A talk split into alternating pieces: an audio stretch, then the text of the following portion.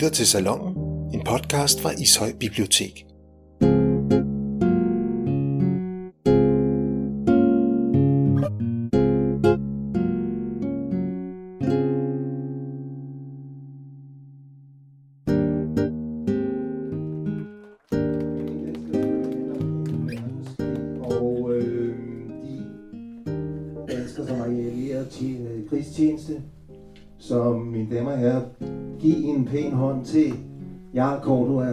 Jakob Sørensen.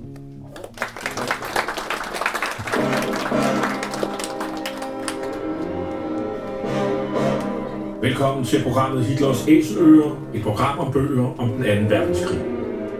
Mit navn er Jarl Cordua.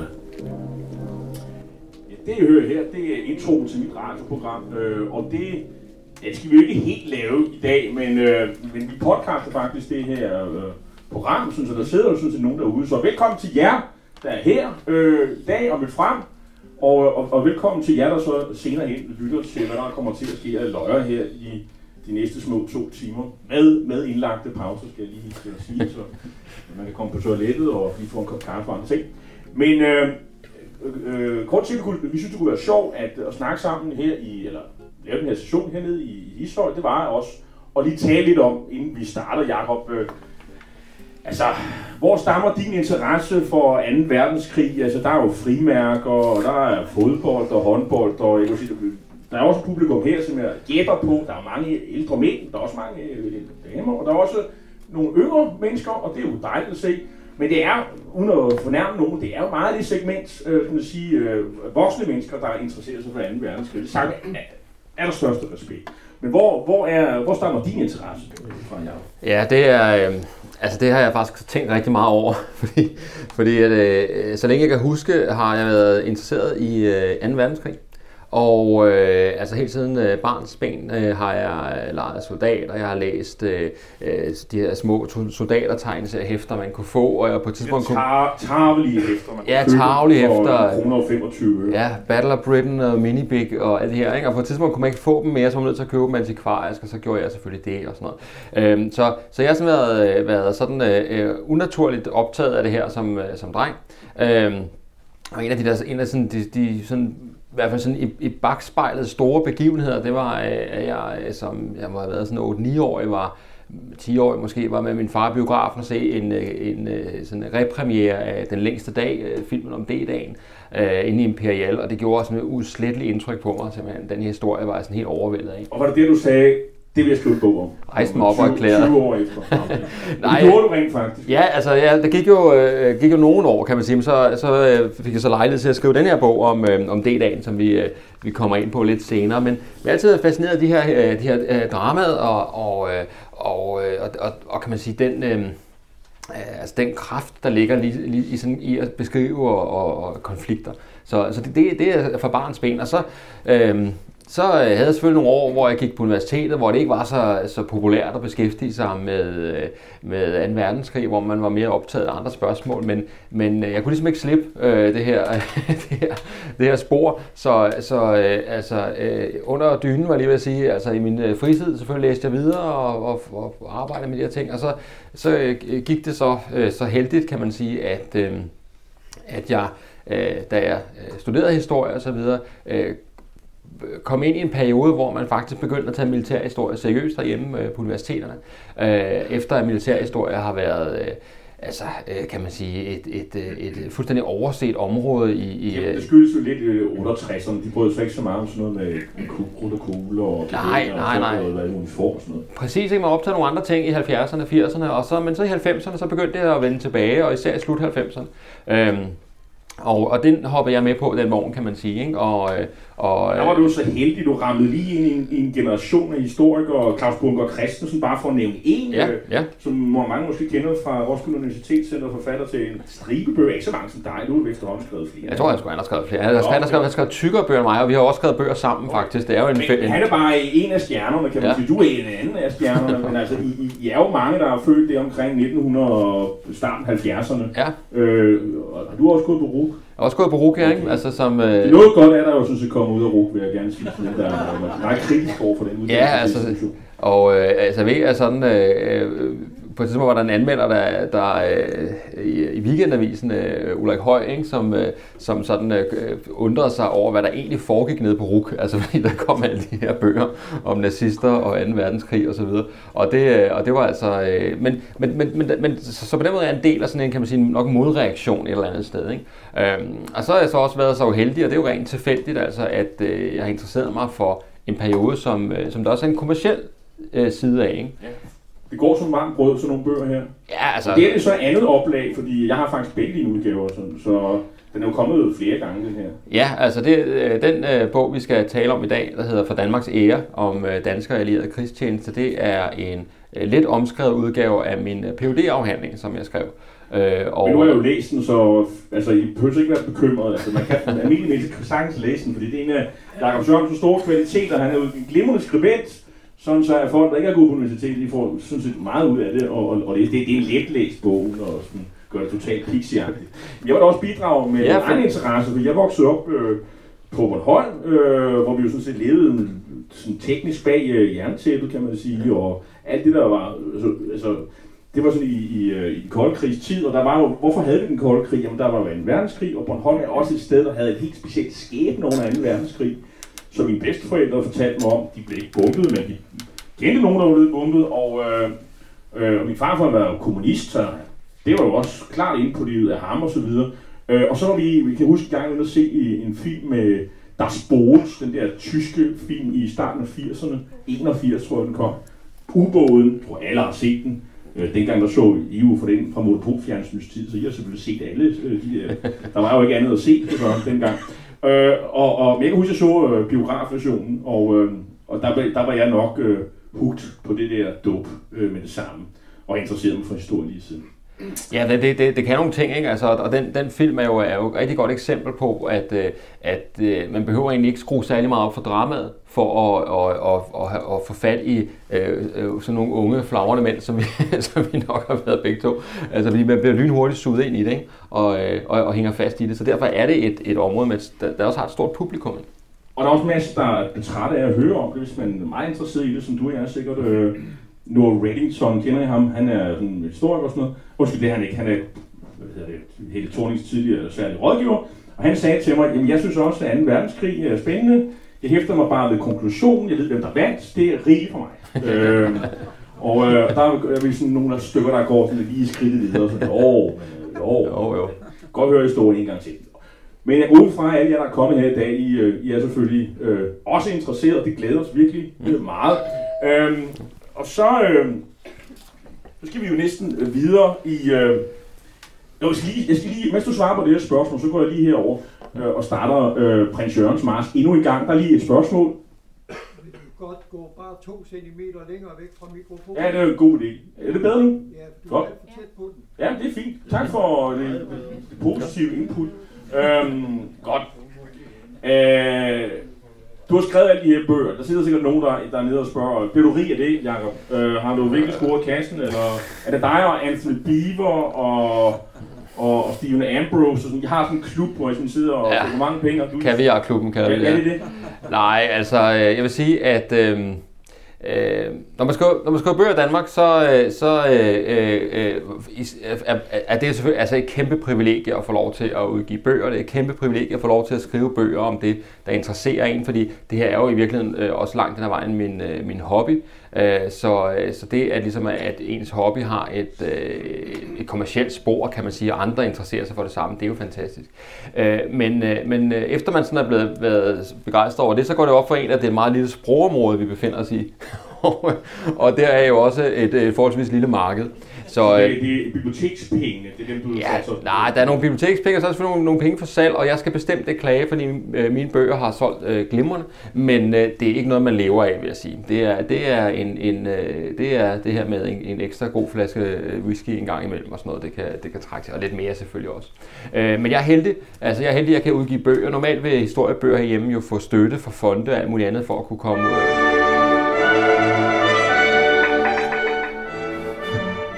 Så kan det prins Jørgens Mars.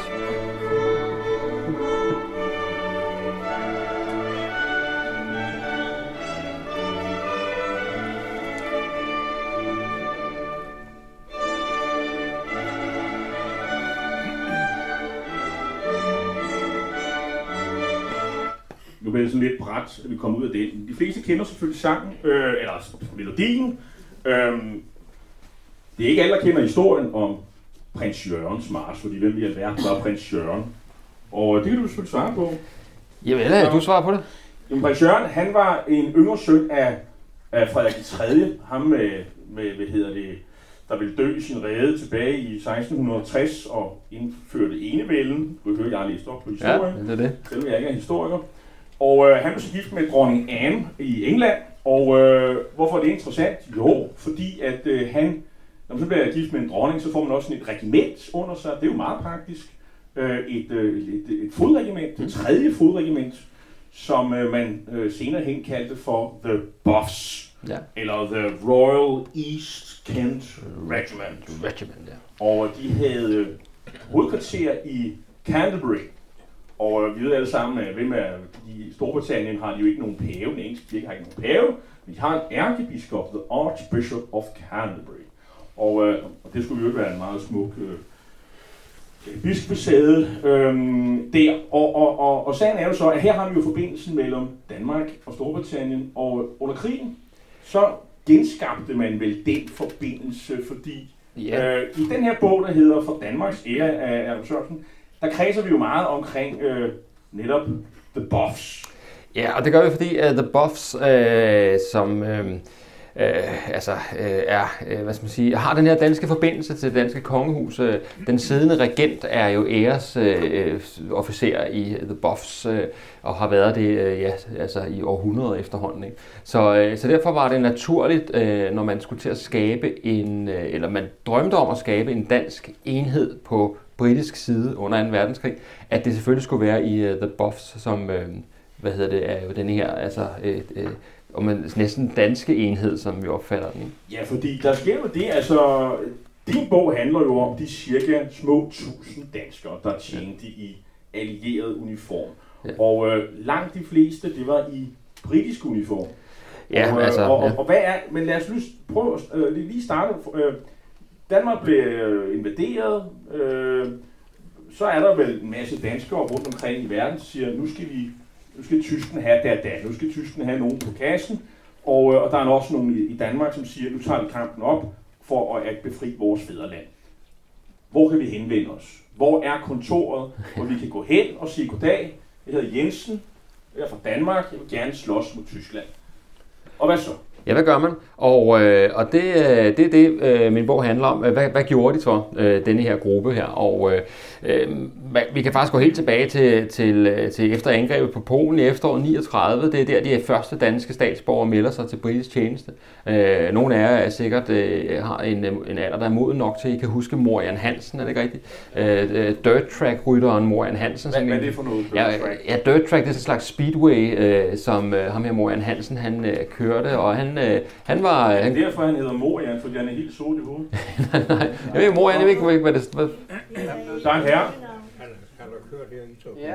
Ja. Han har kørt her, det er ene bysbørn. næsten Ja, blev. nede ved, nede ved stranden, der var banen. Ja. Okay, tak for det input. Ja, der var jo masser af, af motorsport var jo kæmpestort dengang, og, øh, og, øh, og øh, Morian Hansen han kørte på kontrakt i England, dygtig, dygtig rytter, og, øh, og melder sig spontant om aftenen, da, da efter angrebet på Polen og den efterfølgende britiske krigserklæring. Så går han simpelthen ned og melder sig. Så han melder sig, kan man sige, ud fra sådan en eller anden øh, øh, hvad hedder, begejstring for det britiske. Øh, men øh, den store bølge af frivillige kommer efter 9. april 1940 naturligvis. Eller store bølge, vi taler altså ret få mennesker. Vi taler, som jeg siger, øh, under 1000 øh, statsborgere, danske statsborgere i britisk uniform. Og, øh, og der skal man nok også lige have en, øh, sådan en, en præcisering af, hvem vi taler om, fordi øh, øh, søfolkene er eksempelvis ikke medregnet i det her. Der var jo 6.000 danske søfolk, som sejlede for de allierede. Men de sejlede jo altså i civil. Øh, Den gruppe, jeg har beskæftiget mig med, er dem, der er øh, soldater, piloter eller i øh, flåden, altså i, i hvad sådan, den militære flåde. Og, øh, og det er sådan en gruppe, som man, øh, som man ikke har øh, beskæftiget sig med før øh, i øh, sådan historieskrivning. Øh, og, øh, og det fik jeg så mulighed for. Øh, og det er fuldstændig rigtigt, som jeg siger. De har jo ikke noget sted at gå hen. Altså, hvor, hvor melder man sig? Så, øh, så det måtte man etablere. Øh, så, øh, så, det, ja. Hvem er det, der gør det? Jamen det er en, øh, øh sådan, øh, øh, en, en af de her skikkelser, når man arbejder med historien, så nogle gange så, så træder der nogle folk ud af, af de her støvede papirer, som man sidder og roder med, øh, som man aldrig havde nærmest hørt om før, og som træder sådan lyslevende ud. Og en af dem, der gjorde det, det var ham, øh, der hed kaptajn Iversen, Werner Michael Iversen, som var dansker, og som havde tilbragt 20 år i Malaysia som, øh, som plantagebestyrer, øh, var blevet britisk gift, og, øh, og han vender hjem til øh, Storbritannien i vinteren 39-40. Øh, hans søn bor i, øh, i England og så videre. Nu skal han hjem, og han er, øh, han er meget, øh, han er utrolig engelsk øh, venlig, kan man sige. Og, øh, og han vil gerne have, at de her eksildanskere de bidrager til et eller andet øh, i, i kampen, øh, især efter selvfølgelig 9. april 1940. Så øh, Iversen øh, går i gang med at øh, forsøge at organisere et, en eller anden form for militært bidrag for øh, de allierede. Øh, og der ramler han altså direkte ind i, en, øh, i et miljø, øh, et dansk miljø i London, som, øh, som er utroligt splittet på det her spørgsmål. Øh, Hvad kan man være splittet over? Jeg mener, Danmark er invaderet, ja. det er tyskerne. Hvad, hvad er der at diskutere? De skal jo nedkæmpes øh, mod muligt. Ja, altså det, det, er jo, øh, det er jo i hvert fald øh, det er jo noget, Evers mener, og, øh, og, og sammen med de aktivistisk indstillede, så er det naturligvis holdningen, at, at der skal ydes noget i den her kamp. Men så er der en anden gruppe, som... Der er som, to partier. Ja, det kan man sige. Altså, man, de, de bliver sådan splittet mellem det, man kalder østers, altså dem, der klapper i, og så er de sådan mere progressive, eller aktivisterne. Og øh, dem, der ikke ønsker en aktivistisk linje, jamen de siger, at der er en samarbejdspolitik i Danmark. Øh, den, øh, den danske øh, hvad hedder det, gesandt i, øh, i, i London øh, følger øh, parolerne fra København. Og gesandt, det er altså datidens ambassadør? Datidens ambassadør, ja. Øh, det var sådan, at hele det, det diplomatiske øh, system under besættelsen øh, delte sig jo faktisk i to. Den ene halvdel gik med Henrik Kaufmann, altså øh, vores, øh, vores ambassadør eller gesandt i Washington, som jo blev, var meget aktivistisk indstillet, brød med København. Men den anden del, øh, de blev faktisk ved med at være lojale med København, selvom der var samarbejdspolitik osv. Øh, så øh, der er noget med øh, lojaliteten over for regeringen. Øh, er vi, er vi, skal vi som danskere øh, så at sige, følge regeringen i det her, eller skal vi, øh, eller skal vi som Iversen gå så at sige, den modsatte vej og trodse øh, regeringens øh, samarbejdslinje? det er jo typisk dansk. Man sætter sig mellem to stole. Har vi ikke hørt det før? Altså, jeg, jeg sidder bare og tænker på, altså, nordmændene, de lavede de frie norske, polakkerne, de lavede de frie polske styrker, franskmændene, de lavede de frie franske med de Gaulle, Hey, hvor er de frie danske henne? Ja, de frie danske er ikke rigtig nogen steder, øh, i hvert fald ikke øh, som, en, en, øh, som en samlet øh, øh, enhed. Øh, og det har med samarbejdspolitikken at gøre på den ene side, og nok også med det forholdsvis ringe antal øh, potentielle øh, sådan ansøgere øh, at gøre. Så det, det bliver øh, noget småtteri, kan man sige. Øh, Nordmændene var jo også øh, hjulpet af, øh, som et eksempel af, at øh, de fik evakueret det meste af hæren, og fik evakueret øh, regering og kongehus til England og til Kanada, hvor man fortsatte uddannelsen og, og, og sådan professionalisering af, af de her norske styrker, tæt samarbejde med britterne. Øh, den luksus havde man jo ikke øh, på dansk side, så det vil sige, at de danskere, der kommer i britisk tjeneste, det er jo ikke nødvendigvis nogen, der har nogen militær erfaring.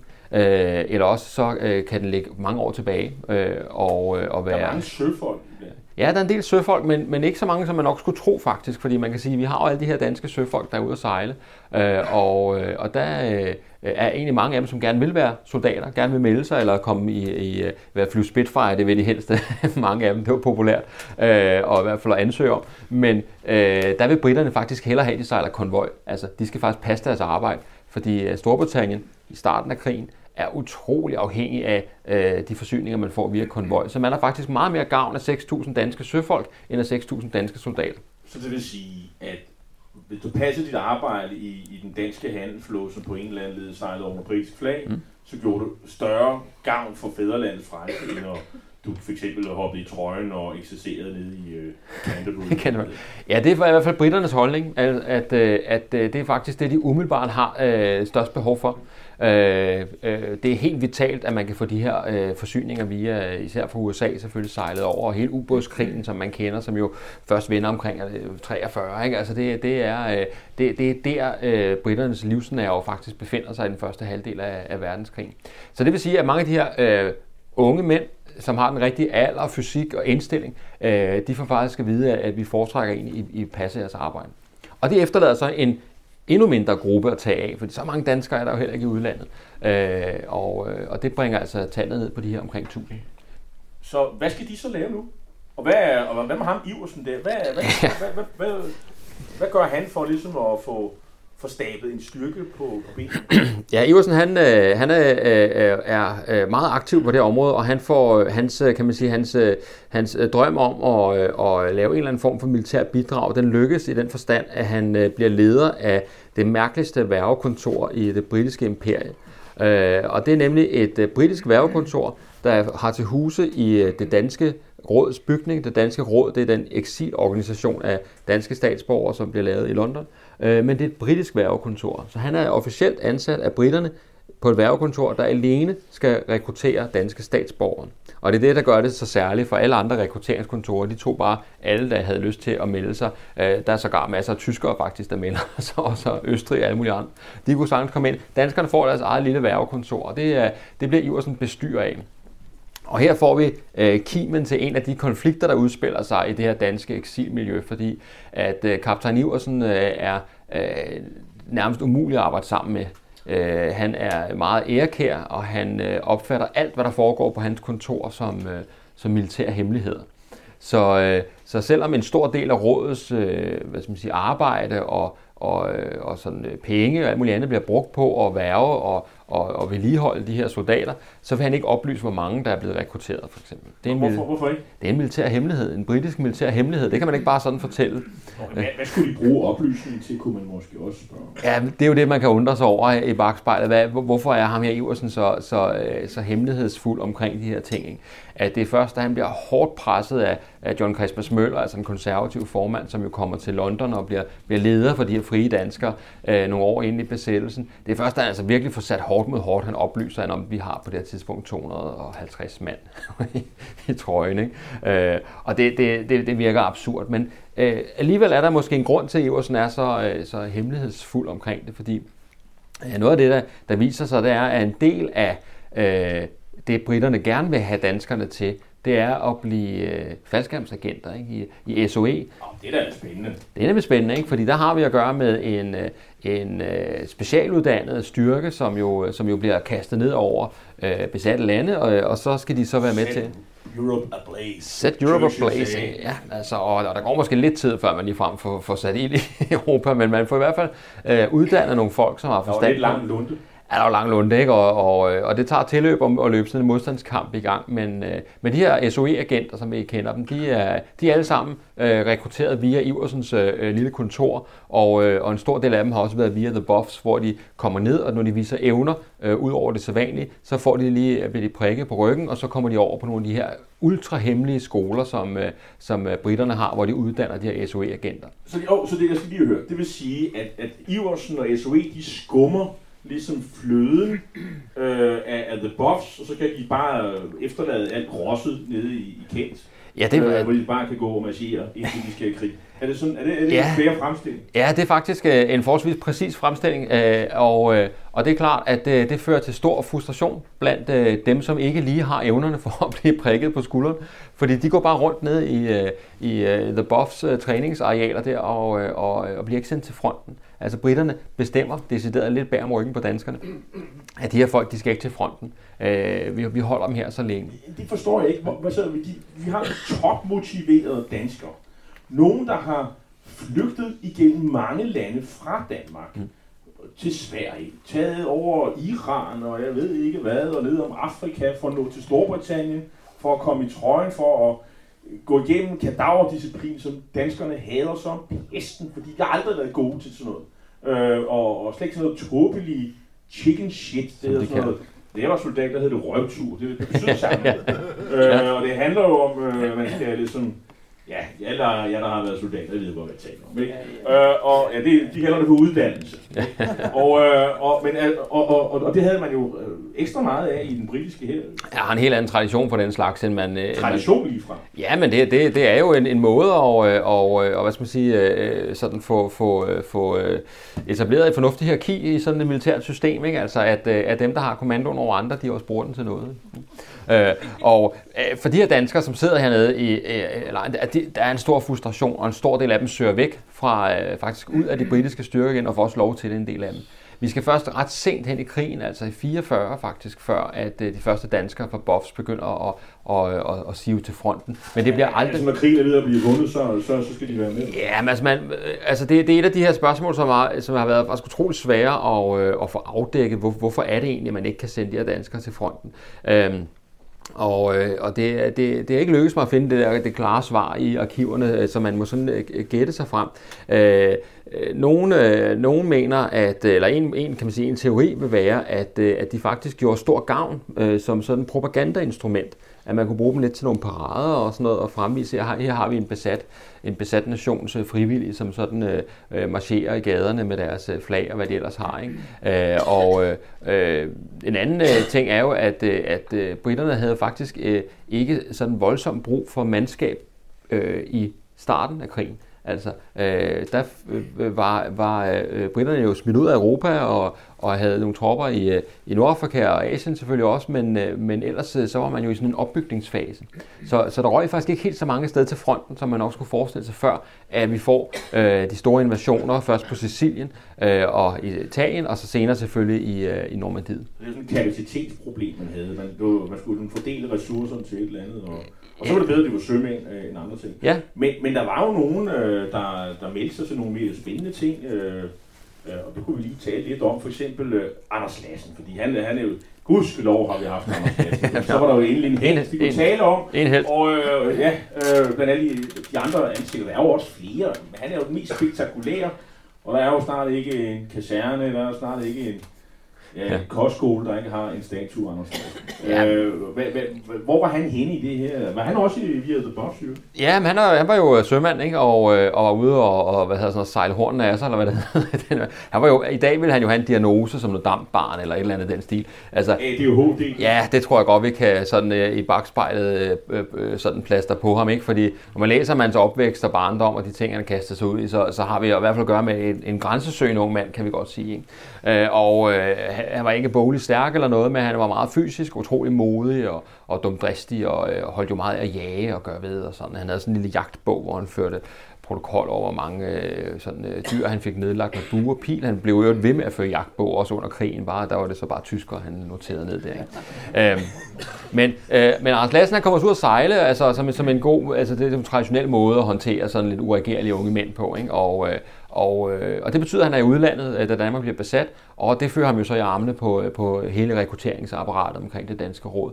Øh, og der får man hurtigt øh, øh, vidshed for, at, øh, at den her unge mand, han, øh, han er ikke en øh, hvad skal man sige, klassisk soldat, øh, altså med disciplin osv., men han, han har nogle andre evner. Øh, så Lassen går hurtigt over i specialtjenesterne. Men, men det der med at kaste ham øh, ud over Danmark øh, med flyvemaskinen, og så ja. skal han holde målen og være stille og rolig ja. og undercover og sådan noget, det var ikke lige det, man Nej, han var bedst til. Nej, det, er ikke, det bliver ikke Lassens øh, øh, levevej, kan man sige. Han, øh, han har en, han har en, øh, en anden... Øh, altså, han, han er altså, ufattelig modig, og øh, han, altså, der er en promille af befolkningen, eller mennesker det hele taget, som ikke er bange for at dø.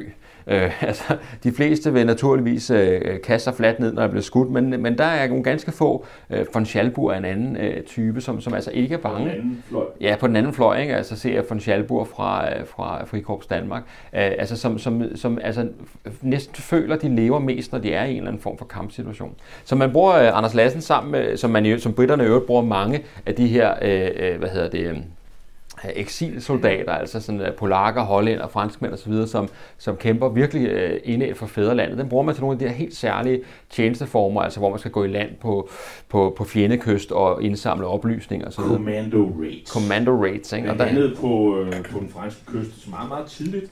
Tidligt. Hvad, hvad, de der commando raids, det er noget, man sejler ind med en båd eller en ubåd, og så Ja, så, så laver man noget, så laver man noget ravage, øh, øh, hiver nogle, øh, nogle øh, vagtposter med, man kan afhøre, eller sabotere et eller andet, eller, eller øh, forstyrre på, hvad for nogle enheder der er i området, eller hvad det nu kan være, så væk igen. Ikke? Og, der, og for lige sådan en anekdote, der siger lidt om, hvad Anders Lassen er for en type person, så øh, havde de her øh, kommandostyrker i starten, de havde sådan en speciel kniv, som øh, består af et, selvfølgelig et knivblad, og så et knogjern med sådan nogle pigge på så, så man ligesom holder med knogjern, som samtidig også er, er en øh, sådan kommandodolking. Og, øh, og den, den, øh, den ser farlig ud, men den er ikke så handy, når man faktisk skal bruge den, fordi ens, ens fingre sidder ret godt fast i det der knogjern. Øh, så, så de var ikke alle sammen så vilde med den, de her kommandofolk. Øh, men, øh, og så går det også ret hurtigt op for tyskerne, at det kun er kommandostyrkerne, der har den her kniv. Så hvis man bliver taget med sådan en på sig, så ved de, at man er kommandosoldat, og så kan man roligt regne med at få, øh, blive skudt ved daggry. Øh, så derfor holder... Det er lige et øh, specielt... Øh, man kommer lige igennem sådan en speciel afhøring, så man lige får alle oplysninger med ind. Ja, man får nok lidt prøvel inden, ikke? men altså, øh, der var en forholdsvis kort proces med det her. De skulle opfattes som spioner simpelthen. Øhm, og det vil sige, at de fleste kommandostyrker, i, eller kommandosoldater i de britiske styrker, de holder op med at bruge den her kniv. Altså dels er de, er de ikke så glade for den, sådan teknisk, men, men også fordi de, øh, øh at de har den her øgede risici. Øhm, men øh, for nogle år siden, da jeg, mens jeg arbejdede på Frihedsmuseet, så øh, fik vi kontakt til en, øh, en englænder, en øh, sådan øh, mand i 60'erne eller noget i stil, der havde ryddet op på sin fars øh, loft, og øh, faren var død, og, og nu havde han så fundet kassen med farens ting og sager fra, øh, fra krigen. Og der lå blandt alle mulige andre uniformsting og ting og sager, der lå også en øh, kniv øh, med Anders Lassens øh, tjenestenummer på i en øh, læderskede, hvor der stod A. Lassen. Og øh, det var lige præcis den her kommandodolk, som, øh, som øh, ham englænderens øh, far havde fået fat i, og så var vi jo selvfølgelig enormt interesserede i den her dolk. Ikke? Wow, så var man Fordi- glad som fordi- museuminspektør. Ja, altså, men vi har ikke fået fat i den, men altså, det er nu afslører jeg i slutningen. Men, men det, det, der er point med den historie, det er, at øh, hvor fanden har ham her faren fået den her kniv fra? Ikke? Fordi øh, Lassen, han blev jo dræbt i, øh, i april, 9. april øh, 1945 i Italien, øh, hvor han bliver skudt ned foran en maskingeværstilling. Øh, og så ligger livet der øh, det meste af en dag, før at britterne får bjerget det, og der er det blevet plyndret. Øh, Så der har der formentlig været nogle tyskere ud og hente den her dolk, blandt andre ting. Og øh, ham, Britens far, han arbejdede blandt andet med tyske krigsfanger øh, i forbindelse med, øh, med krigsafslutningen, og de blev selvfølgelig alle sammen visiteret, og der tog han jo alt, hvad der var øh, af brugbare ting og sager som souvenirs, her blandt Lassens dolk. Og det viser jo altså, at Anders Lassen, han brugte denne her øh, altså, øh, vanvittige dolk gennem hele krigen. Ikke? Fordi han var da jo fuldstændig ligeglad med, hvis han, han blev jo ikke taget til fange. Ikke? Altså, øh, det var han da ikke bange for. Ellers er det jo nogle gift, ampuller og andre ting. Giftampuller. Men det siger noget om, om hvad for en type han var. Ikke? Og Lassen han, han er altså en af de her tidlige frivillige, og, og, øh, og selvfølgelig den kendteste danske soldat fra, øh, fra 2. verdenskrig. Lad os lige, øh, du har introduceret en anden øh, hovedperson, som jo også blander sig i hele det her spørgsmål hvordan får vi de her topmotiverede danskere til ikke at gå i krig, fordi det er det, det ender med at blive jo. Men, men øh, hvordan får vi organiseret alt det her og sådan noget? Det er jo, det er jo Christmas Møller, John Christmas Møller, øh, konservativ leder, som øh, tyskerne er blevet sure på, og så, og så ender han jo med at må gå ud af politik, mm. og så ender han med at tage til London. Og, og hvad, er, hvad er egentlig hans opgave, og, og hvad er egentlig hans øh, samarbejdsrelation Ja. ja. med det danske råd og, og, og ham her Iversen? Iversen, ja. Altså, øh, øh man, man ville rigtig gerne... Ja, det, der, det, der også lige skal sige som det danske ord, det var, at de bestod, der var jo ikke nogen sådan kendte danskere i det. Altså, det var ikke sådan prominente folk. Det var jo bare tilfældigvis dem, der boede i London. Altså, så, så man ville gerne have en, øh, en formand, der på en eller anden måde havde noget tyngde. Øh, og man kunne heller ikke blive anerkendt som eksilregering, fordi øh, helt frem til august 43 var der jo en øh, demokratisk valgt øh, øh, regering i Danmark. Så, så øh, den danske eksilbevægelse kommer altså netop til at lande ned mellem de her to stole, hvor, hvor den norske, den franske og den polske osv., de har en, en regering i ryggen, som altså er eksilregering. Det har, Og, og det er jo faktisk ret vigtigt, fordi Ja. så, har man, øh, så kan man bruge af de der indfrosne midler, som britterne Ja. har, har indfrosset krigens start. Så har man jo et pengekasse, man kan bruge til alle mulige ting og sager. Ja. Ja. Det, er jo, det, er jo, det er jo ret spændende, hvis man kunne blive anerkendt som eksilregering. Ja, altså det, det, er, det er man interesseret i, øh, øh, selvfølgelig at få den pondus, men man er meget lojal over for København, må vi også lige skynde os at sige. Men man vil gerne have en person over, der kan give noget tyngde. Og det, som øh, både britterne og, øh, og nok også, øh, ja, måske især britterne gerne vil have, det er en mand som Hedtoft Hansen, for eksempel, Socialdemokraten, øh, som øh, man også ved er sådan, øh, kan man sige, antitysk og, og sådan øh, har lidt... Øh, vil de helst have. Ja, ja. Men øh, de får Christmas Møller, som, øh, som er blevet voldsomt upopulær, som jeg siger herhjemme, øh, men som har haft øh, kontakt med SOE-agenter, han har haft en boende og sådan noget, så han er virkelig, han er jo aktivist, det må man sige, bryder med, med kan man sige, øh, med samarbejdspolitikken. Øh, og han kommer til England øh, med familien, bliver fløjet over på, på, i bunden af en mosquitojager, øh, og øh, han har pondus, han er kendt, alle kender Christmas Møller, alle kender hans stemme, alle ved, at han kender hans nationale sindelag. Øh, det eneste problem umiddelbart er, at han ikke rigtig kan engelsk. Det er et problem. Det er et kæmpe problem. Når, fransk i det mindste. jeg tror heller ikke. Når man, når man skal være øh, den danske bevægelses ansigt udad til England, så nytter det ikke noget, at man er øh, rystende dårlig til engelsk. Så Christmas Møller han kan læse manuskript op, man kan ikke svare på spørgsmål. Ikke?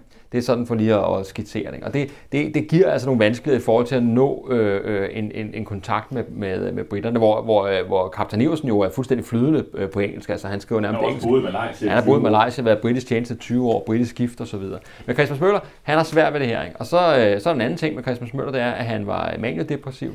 Øh, han havde lange perioder med sortsyn og de her ting, ikke? og, øh, og det, det hjalp hans ophold i London ikke på, fordi det var en sur omgang for Christmas Møller. I forhold til den, ligesom, den, den magt og indflydelse, han var vant til at have herhjemme, så render han ind i et lille miljø præget af, af kan man sige, genstridige personligheder, må vi nok sige. Ikke? Og hvor Iversen altså bliver hans nok største hovedpine, i hvert fald i første halvdel, i første halvdel af krigen. Ikke? Og, og på den lange bane, der bliver øh, Christmas Møllers ophold i London også en personlig tragedie. Hans søn, øh, Lille John, blev dræbt i, øh, i slutningen af krigen øh, i engelsk tjeneste.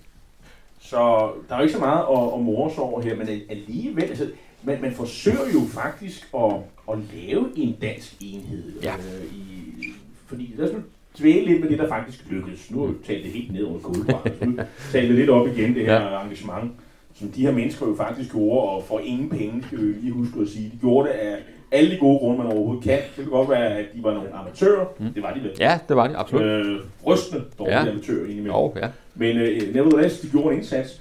Øh, øh, men man forsøgte faktisk at skabe nogle mobile enheder i, øh, i The Buffs.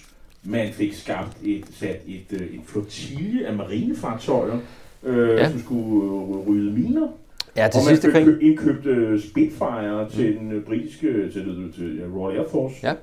Altså, øh, øh, der er absolut ting, der lykkes. Altså, i øh, aller sidste krigen, der lykkedes det at få krigsskib under dansk flag. Altså, som du øh, taler om, minefartøjer ud og, og sejle med dansk besætning.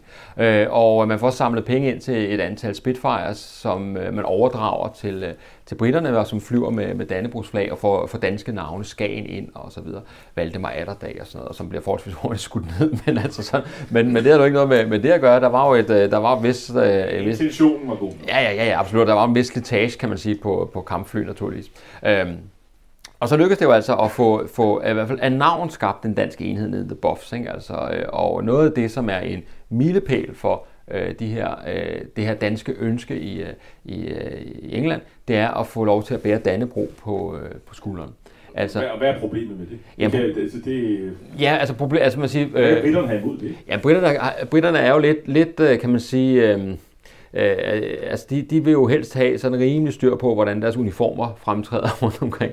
Og, øh, og det vil sige, der skal ikke for meget sådan private øh, emblemer på og den slags. Ikke? Man skal være ens. Man skal, man skal være ens, ikke? Og, og det vil sige, at der står, hvis der skal stå Danmark på skulderen og være Dannebro, så, øh, så er det noget, der skal overvejes grundigt og så videre. Men de får lov til det til sidst, ikke? og det er en stor sejr for, for, øh, for danskerne at øh, i BOFS at få lov til ligesom på den måde vise, at der er danskere med. Altså man kan se, at her kommer en dansker. Øh, nogle af de danskere, der var frivillige i andre sammenhænge, eksempelvis i, øh, i det norske flyvevåben, fik ikke lov til at bære øh, Dannebro, øh, men, øh, men øh, måtte gå med et norsk flag på, øh, på skulderen. Og, øh, og der fandt jeg sådan en fantastisk skrivelse i arkiverne, hvor, øh, hvor øh, at øh, den her danske pilot han klager over, hvorfor man ikke får lov til at bære Dannebro. Jeg er jo dansk øh, statsborger og alt det her. Jeg øh, kæmper for Danmark, selvfølgelig i norsk øh, fly og sådan noget, men alligevel. Øh, og så siger de til ham, ja, altså det, vil de bare, det, er bare, det er for din egen skyld. Fordi hvis du bliver taget til fange, så er det meget bedre, hvis tyskerne tror, du er nordmand end dansker. Altså, øh, for en eller anden opfattelse af, så vil man blive behandlet øh, mere ordentligt, tror jeg. Øh, så øh, det var i hvert fald øh, den norske forklaring på afslaget. Lige inden pausen, så synes jeg lige, vi skulle høre om nogle af de andre ting, der, der faktisk lykkedes. Øhm, fordi meget kan man sige om Iversen og hans øh, folk her, de er jo ikke ret mange. Der er jo ham og en sekretær, som Ja. han jo senere gifter sig med. Hvad Ja. har man? Ja. Øh, hvad giver de? Øh, nå, nu, men, men, men, men, men han etablerer jo faktisk en, en velfærdstjeneste, fordi man skal jo huske på, det er jo yngre mænd, der ikke har stiftet familie ude i den store hvide verden. Øh, de savner gamle Danmark og lillemor og julen og alt sådan noget, og tale dansk, skrive dansk, alt sådan noget, som man nu gør, hvis man har været længere væk. Og det lykkedes vel egentlig at, at etablere en, en velfærdstjeneste. Ja, det gør det. Og, øh, og, og efter pausen kan vi måske øh, tale lidt om at sammenligne øh, kan vi sige, min gruppe frivillige med, med de østfrontsfrivillige for eksempel. Øh, men noget af det, der netop kendetegner de her folk, det er, at de er strandet i udlandet. Øh, de kan ikke kommunikere med familien, altså dem, som typisk befinder sig hjemme i Danmark osv. Så, så det, som øh, det danske råd og, og, og Iversens rekrutteringskontor prioriterer rigtig højt, det er at få pennevenner, øh, nogen at skrive med, øh, nogen at skrive breve til. Vi ved, at, øh, at brevskrivning er noget af det, der, der er med til at holde motivation oppe blandt de her soldater. Øh, jeg har ikke det øh, britiske tal for, hvor mange breve, der bliver skrevet øh, fra front til hjem, men i Tyskland øh, regner man med, at under 2. verdenskrig øh, bliver der sendt, altså hvis vi regner pakker, øh, altså private pakker øh, fra øh, hjem til front, postkort, breve osv., øh, omkring 40 milliarder øh, forsendelser øh, i løbet af altså 39 til 45. Så hjemmefronten spillede faktisk en Kæmpe rolle. Altså det at have nogen at skrive til og betro sig til, øh, det er enormt vigtigt for, for de her folk. Og det får man etableret. Man får lavet sådan nogle surrogatfamilier. Nogen at holde overlov hos, holde jul hos, øh, øh, når man har øh, juleoverlov. Så i stedet for at, at, at sejle rundt i, øh, i, i de øh, mere øh, lyssky dele af London, jamen, så kan man komme hjem til en dansk familie og holde jul. Den slags øh, arbejde er kæmpe betydning. Øh, og den har også et, øh, øh, betyder også, at øh, der bliver strikket øh, sweater til folk, øh, der bliver øh, øh, bagt brød og sendt osv. Og så vigtigst af alt naturligvis øh, cigaretterne. Ikke? Altså, der bliver, Ja. det er jo sådan noget usundt noget, vi har afskaffet. Det, ja, det, kan, mener du seriøst, at man ikke kan føre krig uden cigaretter? Altså det, det har vist sig, at, øh, at cigaretter er noget af det allervigtigste for en soldat, øh, og, øh, og derfor så, så får det danske råd ligefrem importeret cigaretter fra USA for at kunne forsyne deres frivillige, og også søfolkene, med cigaretter. Og, øh, og det er noget, man sætter virkelig høj pris på, øh, at, øh, at få sin øh, cigaretration, nogle ordentlige cigaretter osv., sådan så man kan, som har noget at ryge på. Noget Lucky Strike. Men er det noget med, at man får to stænger cigaretter, når man går i land i det der? Ja, på D-dagen, der har de, der har de, de amerikanske faldskærmstropper, de har to kartoner cigaretter med, ikke? Og, og, og mad til tre dage. Så har man noget bare på den. Og vi har, og inden på, altså, vi har jo eksempler på, altså med det, der er en folk, som simpelthen øh, har været ikke ryger hele deres liv, men går i gang med at ryge lige så snart de går i land i Normandiet. Ikke? Ja. Wow. Ja, det er jo helt... Jeg, vil også lige sige omkring velfærdstjenesten. Der er, der er en historie om en, øh, en, en dansk soldat, som jo pludselig... øh, Ja, man bliver udsat for mange fristelser sådan, som soldat. Ja.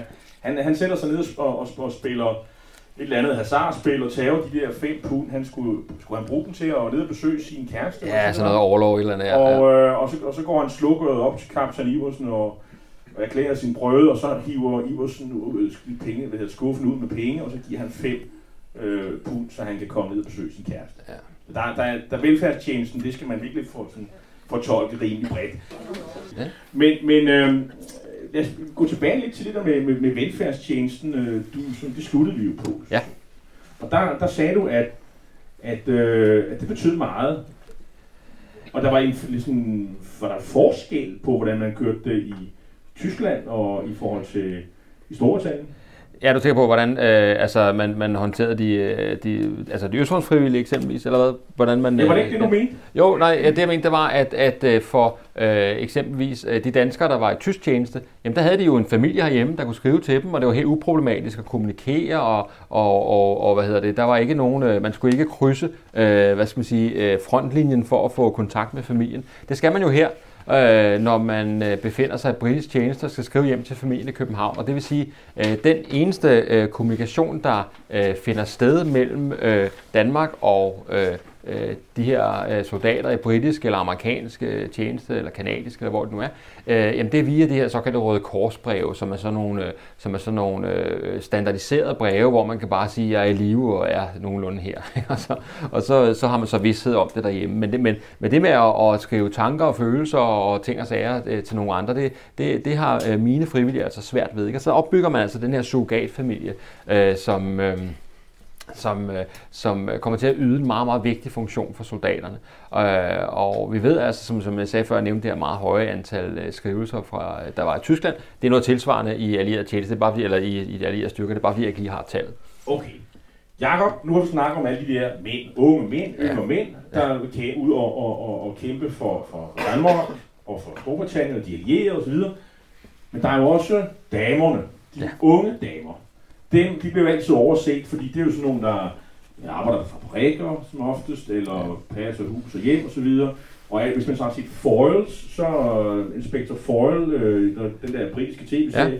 så kan de også bruges som øh, chauffør for politifolk og sådan noget. Ja. Det, det er faktisk også en øh, mulighed. Og, så, og, og, de, og de er jo, men der er jo, skal vi jo ikke grine, fordi de kvinderne altså, spillede jo faktisk en ret stor rolle i, Ja. øh, øvrigt på begge sider. Men, øh, men de danske kvinder, som øh, ligesom deres øh, mænd, var det vel ikke, men så måske deres brødre eller deres øh, mandlige kammerater, de, også, de sad måske i England, og vi ville også gøre det. Vi vil også være frie. Ja, ja. Hvordan, hvad kan vi gøre? Hvad, hvad, hvad gjorde de? Jamen, så, øh, så kunne man jo melde sig øh, som kvinde fuldstændig, ligesom man kunne melde sig som mand. Og det er omkring 10 procent af de frivillige er, er kvinder.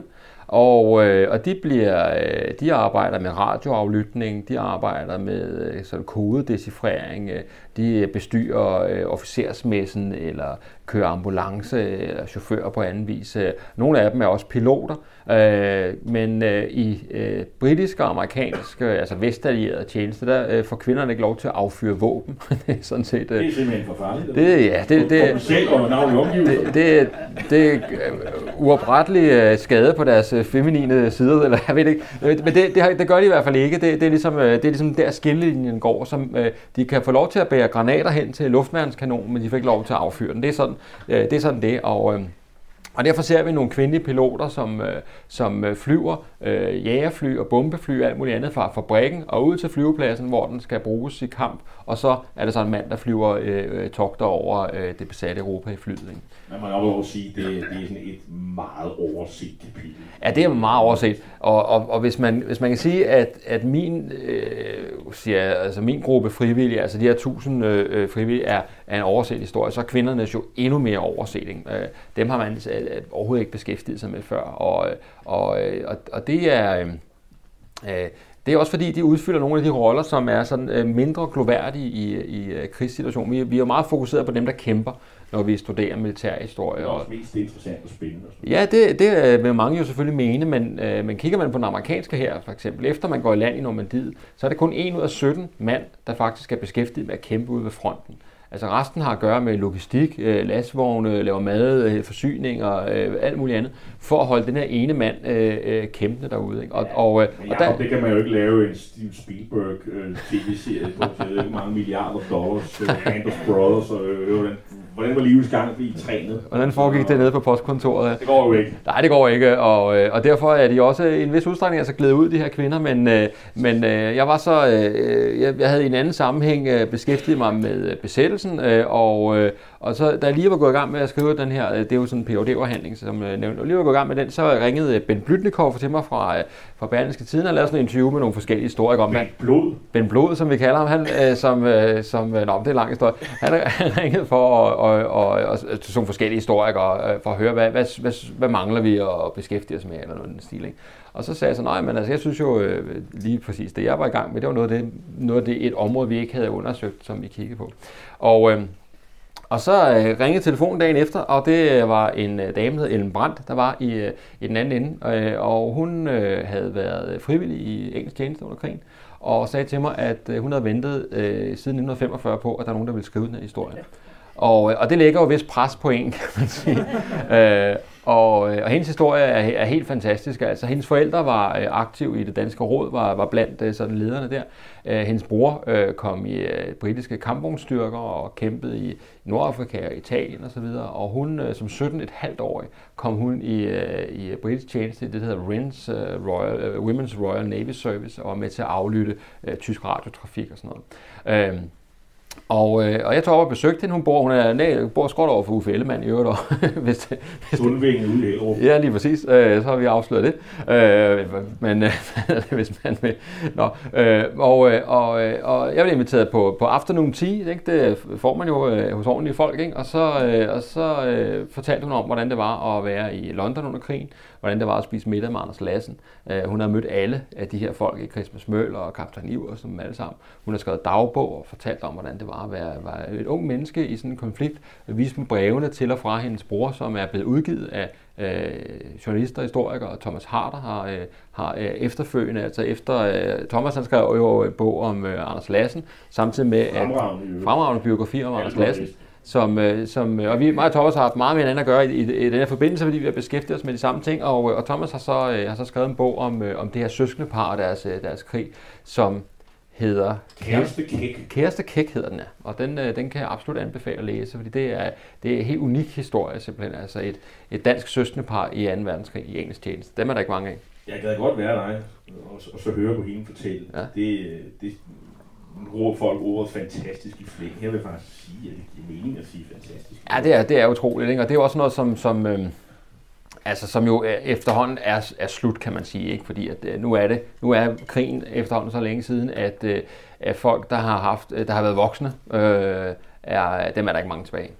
Men vi er jo slet ikke kommet i krig nu sådan for alvor. Øh, og det skal vi nu, øh, Jacob. Fordi øh, langt om længe, så er det store tilløb, og sådan er det jo altid. Så, men det, det er jo britterne, de, også, de skal jo også sammen med amerikanerne over dammen. D-dagen, der åbner sig en ny front. Og, øh, og der kommer danskerne jo faktisk i kamp. Mm. Og øh, hvordan går det? Og hvor kæmper Danmark, øh, danskerne? Ja, men der er... Der, danske svinde. Ja, det, man kan sige, der er jo sådan nogle... Øh, altså, øh, ambitionen om at, at, samle alle danskere i The Buffs, den mislykkes sådan set fra start af. Så der er sådan danskere spredt lidt over det hele. Og det vil sige, på, på D-dag eksempelvis, der har vi øh, en mand som Kai Birksted, som, øh, som mange nok også vil kende. Han er en af de kendte øh, frivillige. Han var øh, pilot dygtig øh, jægerpilot og, øh, og stiger ret hurtigt i graderne og er med til at planlægge en del af luftoffensiven i forbindelse med D-dagen. Øhm, så altså, han er i aktion der, så har vi øh, soldater på øh, de forskellige strande, øh, som, er, som optræder ikke i en dansk enhed, men som danskere i en eller anden tilfældig konstellation af amerikanere, eller britter, eller, eller kanadier. Øh, så, øh, så vidt vi kan, kan sådan, øh, finde ud af, så er der danskere på alle invasionsstrande, og der er danskere i luften indover, og der er danskere ombord på, øh, øh, på, på et af de mange tusinder krigsskibe og, og fragtskibe, der er til søs i den engelske kanal. Så øh, øh det øh, er jo, hvad hedder det, en, en, øh, en af de her store begivenheder, hvor, hvor der er dansk islet, og man regner med, det er så de civile søfolk, man regner med omkring 800 danske søfolk er, er en del af den her operation Overlord, så, så der er faktisk et, øh, et dansk islet der. Vi skal måske lige øh, dvæle lidt ved dem. Der var faktisk en del, der jo sådan set mistet livet. Det lyder som ja. om, at de har gået rundt i, øh, på, på, på den engelske kyst og og marchere sig ihjel. Det har de ikke alle sammen. Altså 75, det er det samlede øh, kendte antal faldende danskere i allieret krigstjeneste. Og det er vel også, hvad der foregår over i Asien og alle det er hele, andre steder. Ja. Så det er sådan, og, og det er en tabsprocent på omkring 8. Øh, det er sådan det, man sådan nogenlunde kan, kan, kan gøre det op. Ja, og det, det er sådan en, øh, som jeg, jeg husker det, nu har du bogen der, så er det sådan en lille smule over, øh, hvad hedder det, øh, gennemsnittet for de britiske styrker. Men, det kan vi godt være bekendt. Ja, jeg ved ikke, om det er nogen sådan nogle øh, heders øh, bevisninger, at han har slået flere.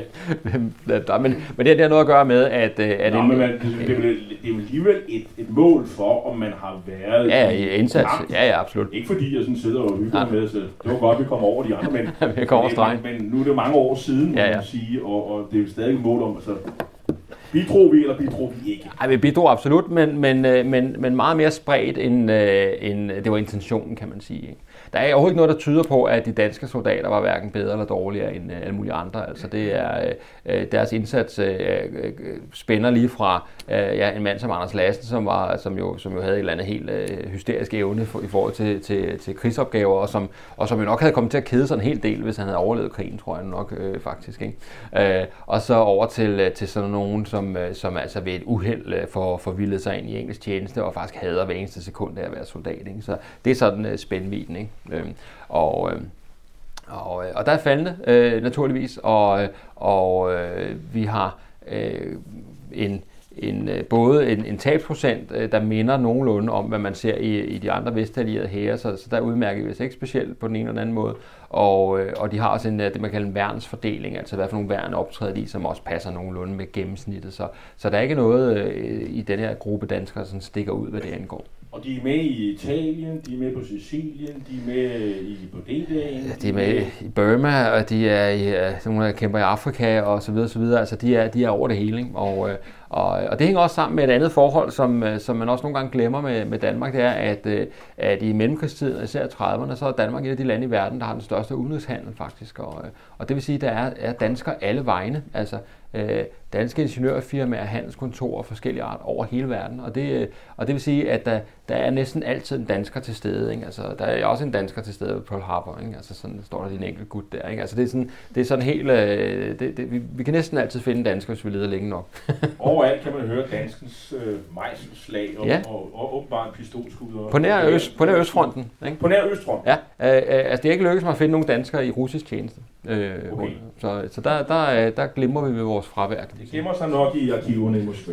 der skal nok, skal nok være en enkelt. Øh, nu, nu, skal du, nu skal du høre her. Vi, vi, vi, vi skal ligesom have en vurdering, fordi selvfølgelig er Danmark i stor sammenhæng et ubetydeligt lille bidrag, et dråbe i et stort hav, men politisk, øh, og det er vel egentlig grundene til, at vi også øh, gjorde oprør herhjemme, øh, politisk er det jo ikke helt uden betydning, det, der, det, vi, det vores landsmænd jo sat livet for.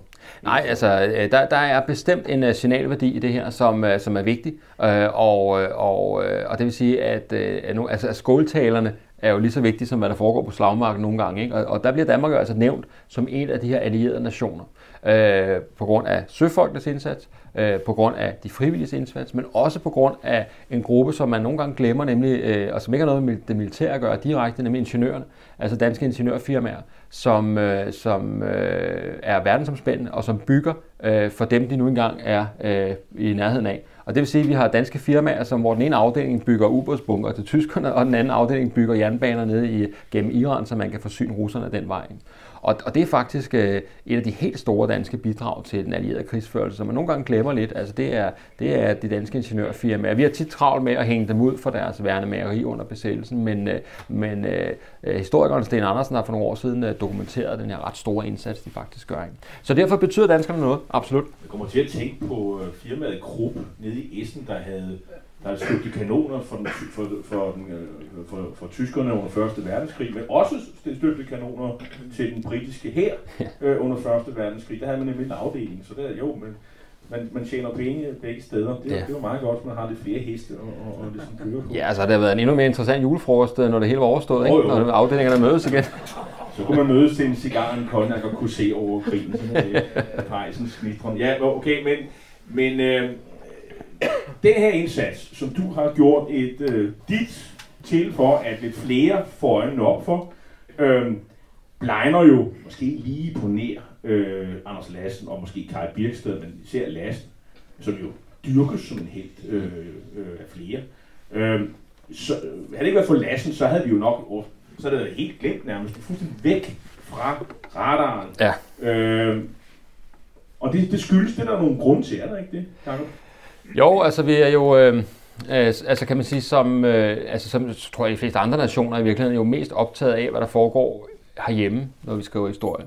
Og, øh, og under sådan en periode som besættelsen, hvor som er altså virkelig dramatisk, øh, øh, altså øh, det mest dramatiske fem år i Danmarks historie formentlig, ikke? Der, øh, der har der været nok at beskrive. Øh, der har været masser af spørgsmål, man har skulle afklare. Øh, og, øh, og det har selvfølgelig handlet om dels, hvad var modstandskampen overhovedet for noget, hvad var samarbejdspolitikken for noget, hvem, hvem, hvad, hvad med de danske nazister osv. Altså alle sammen ting, der foregår i Danmark. Og der er øh, nogle grupper, der så falder ud af historien, kan man sige. Og den ene, det er øh, søfolken, som, øh, som har, også har levet lidt en skyggetilværelse i øh, historieskrivningen. Øh, og så i endnu højere grad... deres bidrag måske har været det vigtigste. Ja, et kæmpe bidrag, men, men, øh, men de er igen ligesom faldet lidt udenfor øh, historieskrivning. Altså, der er, det er ikke fordi, at der ikke er skrevet om dem, men, men de fylder ikke så meget, som, som eksempelvis modstandsbevægelsen gør. Og så øh, gruppen af, af frivillige allierede tjenester, som, øh, som der er, er skrevet ganske lidt om, og, øh, og, og, og som du er inde på langt det meste, når man laver en bibliotekssøgning på det, så er en fjerdedel af de titler, der dukker op, handler om Anders Lassen. Men vi skal jo øh, også have æret de her mennesker, og det, det er jo ligesom det arbejde går ud på. Mange af de veteraner, de, de går ind i sådan en, øh, en forening, mm. der er flere, flere foreninger, så kommer de til at pludselig organisere sig, når det hedder de allierede danske våbenfælder, en gammel ja. forening, man får levet lidt op, ja. og så og, så, og det, går, det går meget ud på at lave parader og grænsenedlæggelse og, og, og den slags ting, naturligvis, øh, og mindes de her ofte traumatiske oplevelser, de her mennesker jo har. Det, det er jo lidt det fællesskab, de dyrker, hvad man udmærket forstår. Ja. Øhm, og så er der jo en sjov ting, som, som da jeg læste bogen, det her, det her med erindringsmedaljen.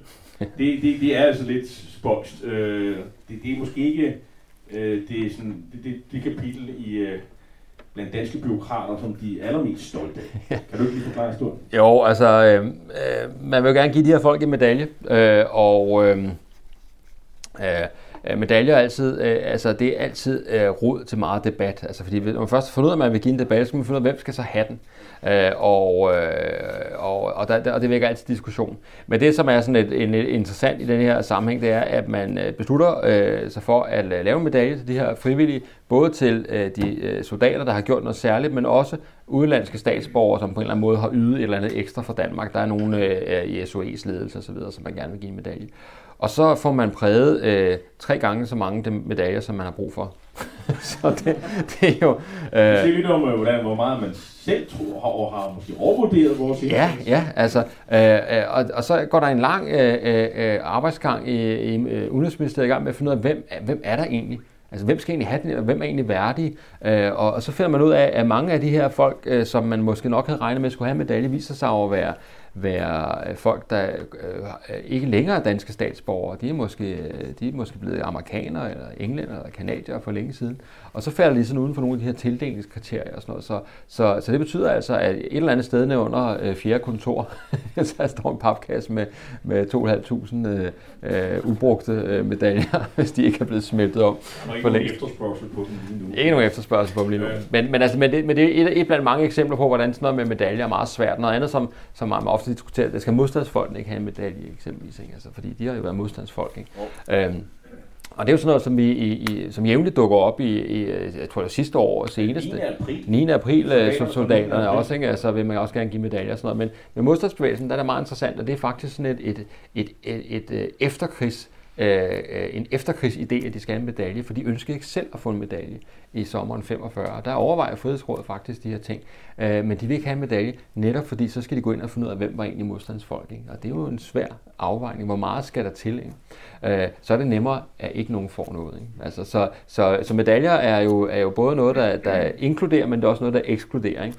Og, øh, og der ønsker man altså ikke sådan en medalje. Så det er lidt sådan en, øh, en myte, der er opstået det her med, at modstandsfolk er blevet snydt for en medalje. Ikke? De, de ønskede faktisk ikke at få en. Før vi ligesom øh, kaster os over de, nu de andre bøger, du har skrevet om, øh, om, øh, om, øh, om D-dagen og om øh, Ardennerslaget, øh, så skulle vi måske tage et par spørgsmål fra publikum til dig omkring øh, det her emne, som ligesom er aftens hovedtema. Så hvis man har et spørgsmål, så har jeg mig lige lappen op, og så kommer jeg øh, løbende som en anden Højlund. I kan, I kan jo godt huske, hvem Højlund han var. Så, Det er godt. så kan- går det, det går simpelthen ikke. Så må I råbe øh, højt. Det, jeg tror, det var dig først. Ja, jeg vil bare sige om Royal Hansen. Han landede i 1945, der landede han op i Tostrup på en mark deroppe. Og så lod han sig at hylde. Der var øh, Sankt Hans Fest. Så der kom han jo der og talte til folket. Jeg har vendt hjem fra, fra England, ja. Ja, ja. Det er forfatterens privilegium at sætte titlen på bogen. Hvad dækker det over, den der ære? Var det Ja. ja. nogen, der synes, at Danmark ikke havde opført sig ordentligt, eller hvorfor har du givet den den titel? Ja, altså, øh, hvad hedder det? Øh, øh, det er jo egentlig et citat faktisk, som, som går igen i rigtig mange af de ansøgninger, som rekrutteringskontoret får øh, i, øh, i London, at, øh, at øh, de her danskere, der ønsker at, at komme i, øh, i engelsk tjeneste, de øh, motiverer deres ansøgning, blandt andet ved, at de vil kæmpe for Danmarks ære, siger de. Og, øh, og det kunne godt øh, øh, øh få en til at tro, at, øh, at de egentlig sådan... Øh, øh, distancerer sig fra samarbejdspolitikken i Danmark, som jo, som jo er, i, er i gang frem til august 43. Men øh, der er altså en ret stor forståelse blandt, øh, blandt danskerne om, at man ikke kunne gøre anderledes. Øh, så det er ikke fordi, man sådan set bebrejder øh, samarbejdsregeringen hverken i eksilmiljøet, og måske mere interessant heller ikke hos britterne. Altså, jeg har ikke kunne finde eksempler på, at de britiske myndigheder har øh, udvist andet end forståelse for den danske politik øh, under krigen. Øh, så øh, man er udmærket klar over, at her har vi at gøre med et lille neutralt land, der grænser op til en stormagt, som ikke har øh, noget nævneværdigt militær, og derfor heller ikke har nogen nævneværdige muligheder for at, øh, om man så må sige, forhindre en, en besættelse af den, som den, der kommer. Vi tager flere spørgsmål, og jeg, jeg, jeg, jeg, jeg, jeg, jeg ser, at alle, vi, vi, vi tager nogen, der ikke har spurgt, og så går vi sådan videre. Du har ikke haft ord før. Ja.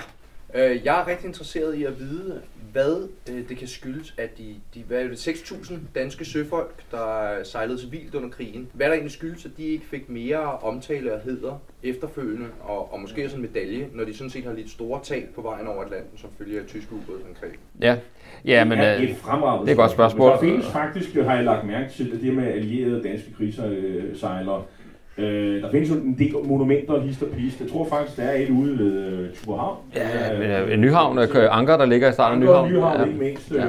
Min far, han sejlede faktisk med mange af de der gutter der, og han kan fortælle, han sagde, at mange af dem havde jo været torpederet, ikke bare én gang, to, tre, fire gange, og havde ligget i robåde og i brændende øh, brændstof, der havde brændt, og de var blevet skudt på tyskerne og alt muligt andet. Han sagde, at de menneskers nerver øh, blev aldrig i orden. Altså, man, man fatter ikke, hvad de har hvad de har udsat sig selv for, som fuldstændig modsvarer folk, der har ligget ved, ved fronterne i, i mange, mange år. Ja. Ja. Altså, men hvad angår historieskrivning, det er jo et godt spørgsmål, fordi altså, hvem, hvem bestemmer, hvad, hvad, hvad der skal skrives om, og hvad der skal forskes i? Øh, øh, det, er jo, øh, det, det gør vi jo alle sammen. Vi, vi kan jo bare gå i gang, kan man sige. Men, øh, men det har været sådan, at man har været mest optaget af, hvad der foregik hjemme i Danmark. Og, øh, og den her gruppe søfolk, øh, de, øh, nogle af dem kommer jo først hjem øh, flere år efter krigen. Altså hvis man, øh, hvis man har hyre nede i Sydamerika, og, og så inden man når hjem til Danmark og lige præcis finder en båd, der skal den vej, øh, der kan gå lang tid. Så, øh, så det at øh, vende hjem øh, efter krigen, det, øh, det kommer sådan drøbvist, og der er hverdagen måske startet igen for de fleste andre for længst. Og, øh, så de har ikke den der sådan øh, gennemslagskraft i befolkningen. Der er ikke nogen sejrsparade ned igennem øh, København, hverken blandt de frivillige allierede krigstjeneste eller blandt de asylsøgere. Det er Jamen det, ja, og det gør de jo også for så vidt. Altså de, de, man kan sige, en del af dem, øh, nogle af dem, som du skitserer, der sejler jo på nogle ganske, ganske farlige øh, strækninger, øh, og nogle gør altså ikke, kan man sige. Altså, øh, det er ikke alle steder, der er lige farlige at sejle, øh, men, men, øh, og det er ikke for at forklare deres indsats overhovedet, det er bare for at sige, at, at de har en vidt forskellig øh, erfaring med hjem. Øh, der er enkelte historikere, som har videt hele deres liv til at skrive om, øh, om de civile søfolk. En af Christian Thorsen, som øh, har skrevet øh, et tocifret antal bøger om, øh, om søfolkenes historie. Men øh, det har altså ikke været en central del af vores fortælling om, øh, om øh, perioden 1939 til 45. Og det er altså ikke din og min, det, det er sådan, det, det, det, det, det er Danmarks. historikerstanden, øh, journaliststanden, erindringsbøgerne osv., det, de har, der har de altså ikke fyldt så meget. Øh, og, øh, og det kan have alle mulige årsager, øh, blandt andet det her med det nationale fokus, men det kan også være, at det er fordi, at øh, en del af historien måske ikke er så interessant. Altså det, det, det er jo et tabu at sige, men, men en del af dem øh, har jo altså måske haft, altså kan man sige, ganske udramatisk arbejde. Andre har absolut øh, haft det modsatte, men, men, øh, men øh, altså begge yderpunkter findes. Ikke? Øh, og så er det også, så det er jo godt fald, så, så, så er der også lidt en, en myte i, i krigssejlermiljøet om, at de er glemt. Øh, og det er de altså ikke helt, men, men, øh, men, øh, men de har ikke fået så meget fokus som eksempelvis modstandsbevægelsen. Det er der ingen tvivl om. Der er så langt, så godt. Så kommer lige ud. Ja. Du har viftet med armen. Det var, det var bare lige en enkelt bemærkning, og det var det, du var inde på, at englænderne de sådan set accepterede vores holdning under krigen, men øh, det kom sådan set, øh, det er både rigtigt og forkert. Den 2.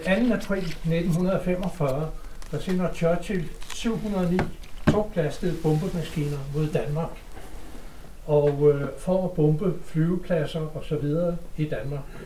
Og øh, de når altså så langt som øh, til Jylland, men der er været så dårligt, så de bliver kaldt tilbage igen. Og øh, det havde jo været en grum historie, den der, ikke, hvis den var blevet realiseret. Det er sådan et preemptive strike, som man kalder det i vores Ja, ja, den er veldokumenteret, ikke? men det var Churchill og Bomber Harris, der stod for den historie. Ja, men, men, men, men, nej, jo, men, men, men, men, det, men ved du, hvorfor de vender om? På grund af dårlig vejr. Ja, men hvis, der, hvis det havde været over Tyskland, så havde de bumpet.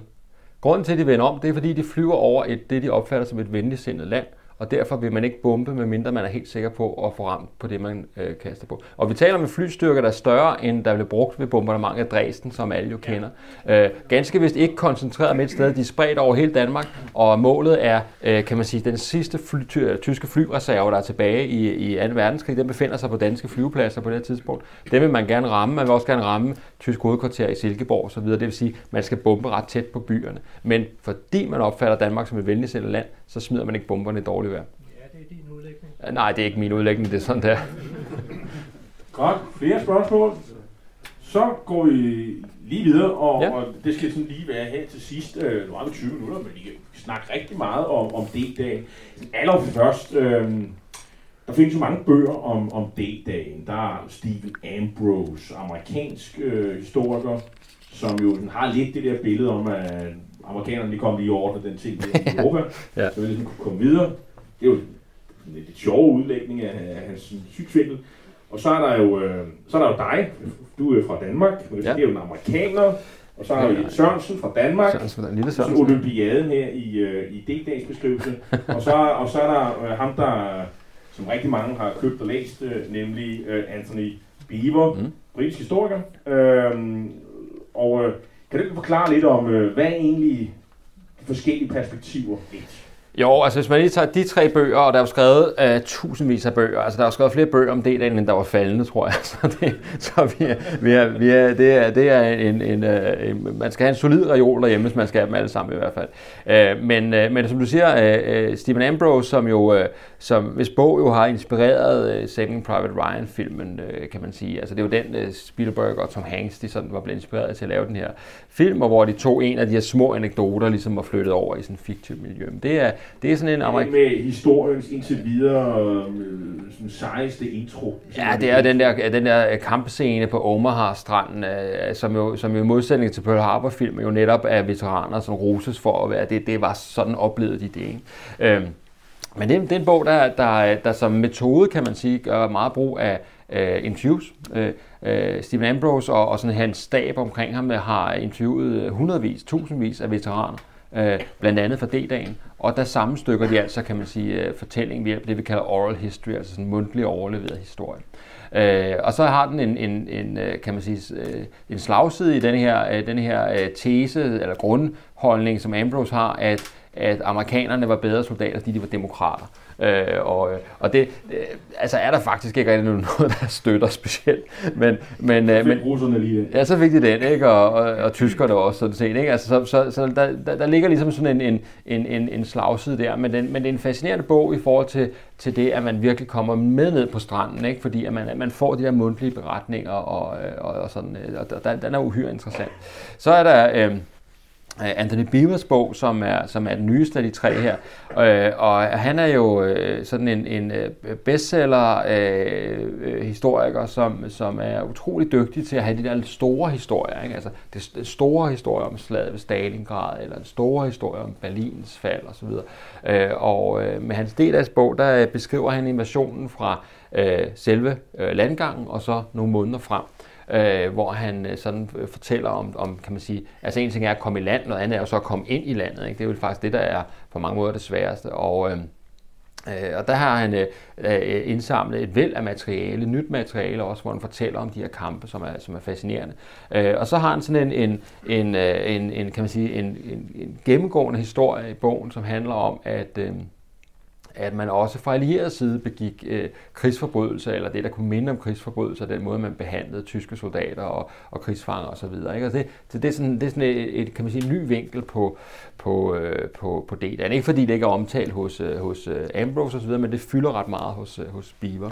Og så er der så... Øh, så er der så min bog, kan man sige, som er, øh, som er sådan en, øh, hvad hedder det, jeg lige stille den op. Så, jeg, er ikke så tyk som de andre. Er ikke så tyk som de andre, så altså, det er jo, det er jo nutidens uh, skønhedsidealer, så tynd jo vel godt, ikke? Altså, jeg tænker, nej, øh, øh, jeg, jeg vil gerne fortælle den her historie om D-dagen, inklusiv, kan man sige, optakten og forberedelsen, ikke? Altså, det, så det er noget, som, som, uh, som Beaver eksempelvis ikke gør så meget af, altså hvordan man planlagde hele den her operation, og den, det er jo sådan en ret fascinerende historie, synes jeg, om hvordan man forsøger at vildlede øh, tyskerne, og man opfinder alle mulige øh, dingenoter og tekniske ting og sager til lejligheden. Man bygger to kunstige havneanlæg, man fragter over kanalen og sådan noget. Jeg kan huske, at du har en, du synes, en, en stor forskel på amerikanerne og britterne, det er, at britterne det er sådan noget med James Bond-agtigt, ja. og de, de opfinder alle mulige. Q, han er simpelthen med ja, men, i, uh, på det dagen, og amerikanerne, de masseproducerer alt muligt skrammel. Ja, altså, Bare det er nok af det, så ligegyldigt, om det, om det flyder. Ja, det, det, altså, hvis man har tilstrækkeligt Sherman kampvogn, så, så går det nok, ikke? Og, øh, hvor, hvor britterne nemlig har sådan en lang, alle mulige mærkelige specialudgaver, der kan mystiske ting og sådan noget. Så det,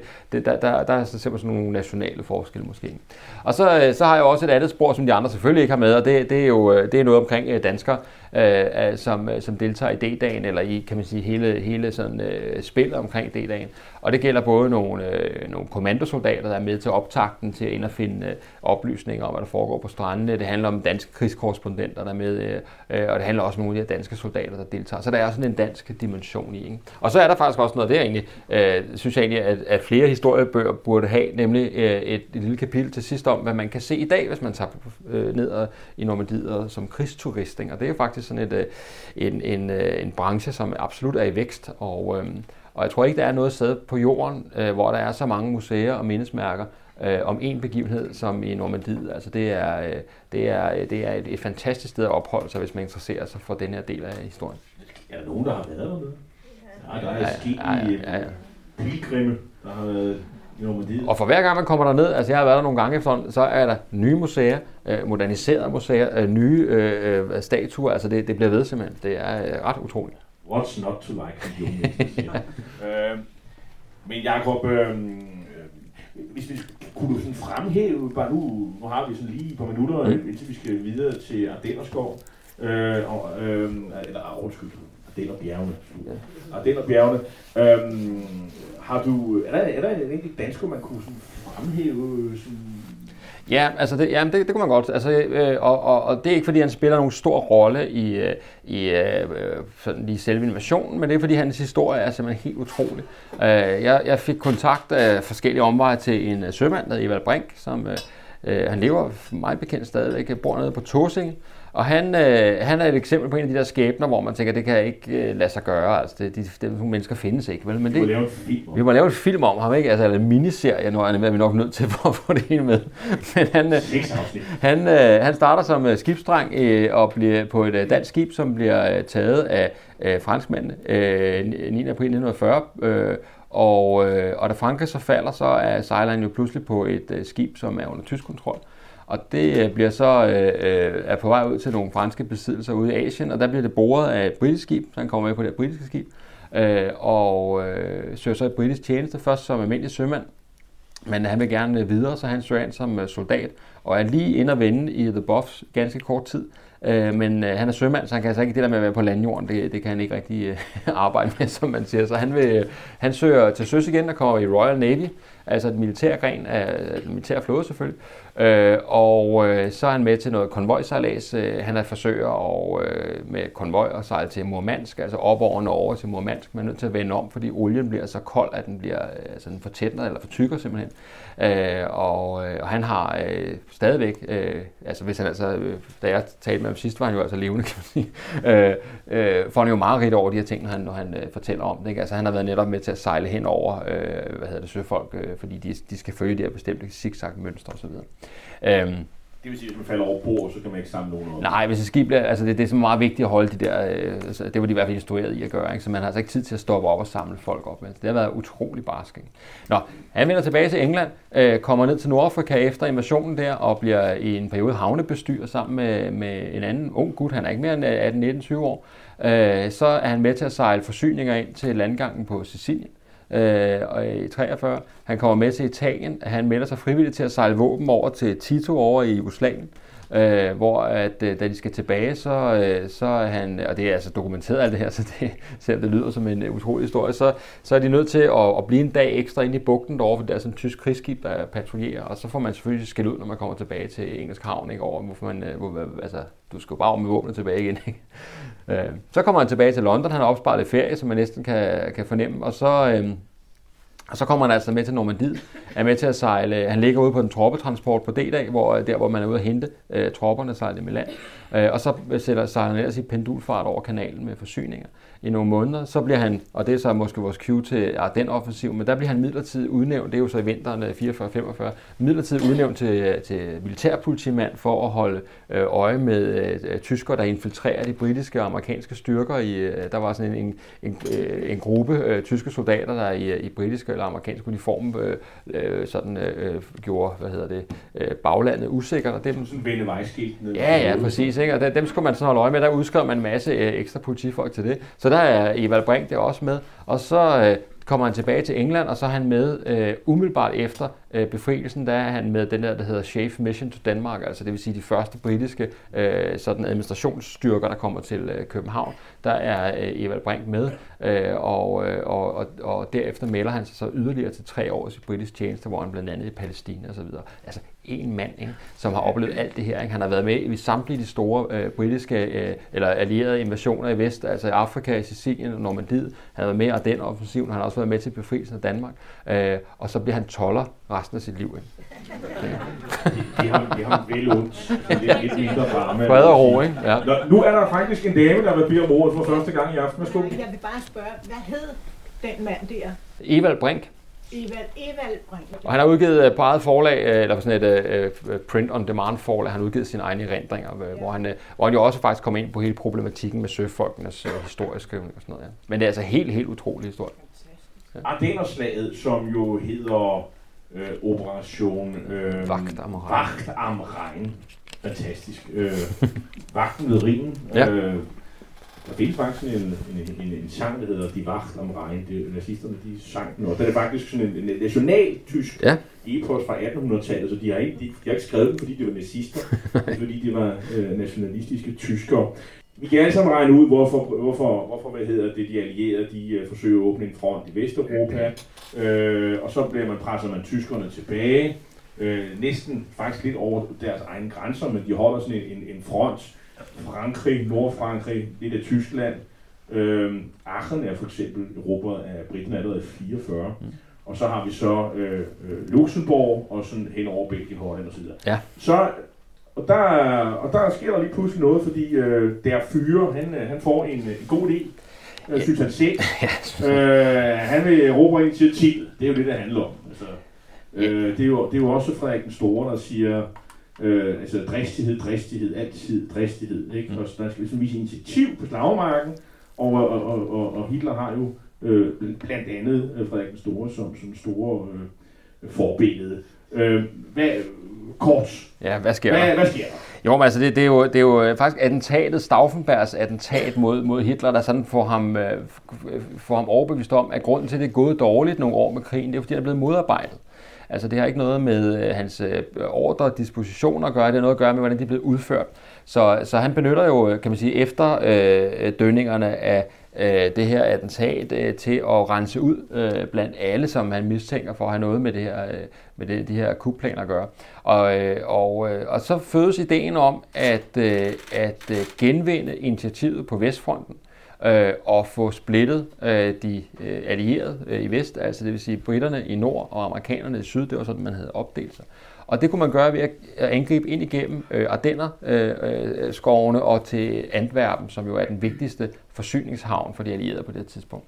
Øh, og der er det altså Hitlers øh, overordnede plan, at sådan en kile ind imellem de her to styrker, det vil, øh, det vil få det, han opfatter som en unaturlig alliance mellem de allierede til at falde fra hinanden.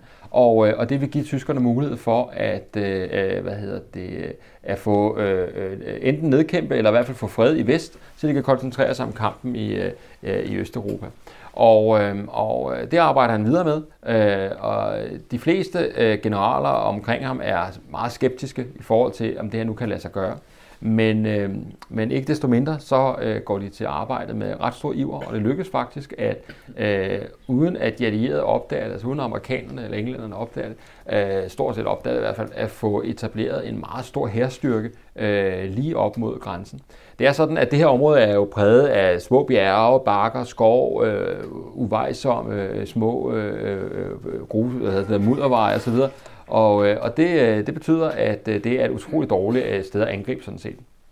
Tyskerne har ganske vist angrebet ind igennem området før i sommeren 44 mod Frankrig, men, øh, men man vurderer altså, at øh, fra britisk og amerikansk side, at dels at tyskerne er presset og er i så, så man, man frygter ikke nogen større offensiv fra den side, men at man vurderer altså også, at lige præcis det her område, det vil, det, det vil være hovedløst at prøve at angribe der. Så derfor så er, øh, er Ardennerne sådan, øh, hvad skal man sige, sparsomt øh, bemandet, øh, og det er der amerikanerne, for det er primært den amerikanske sektor, det er der, de sender deres, øh, deres mest grønne øh, divisioner, som lige skal sådan vende sig til at være i uniform og sådan noget.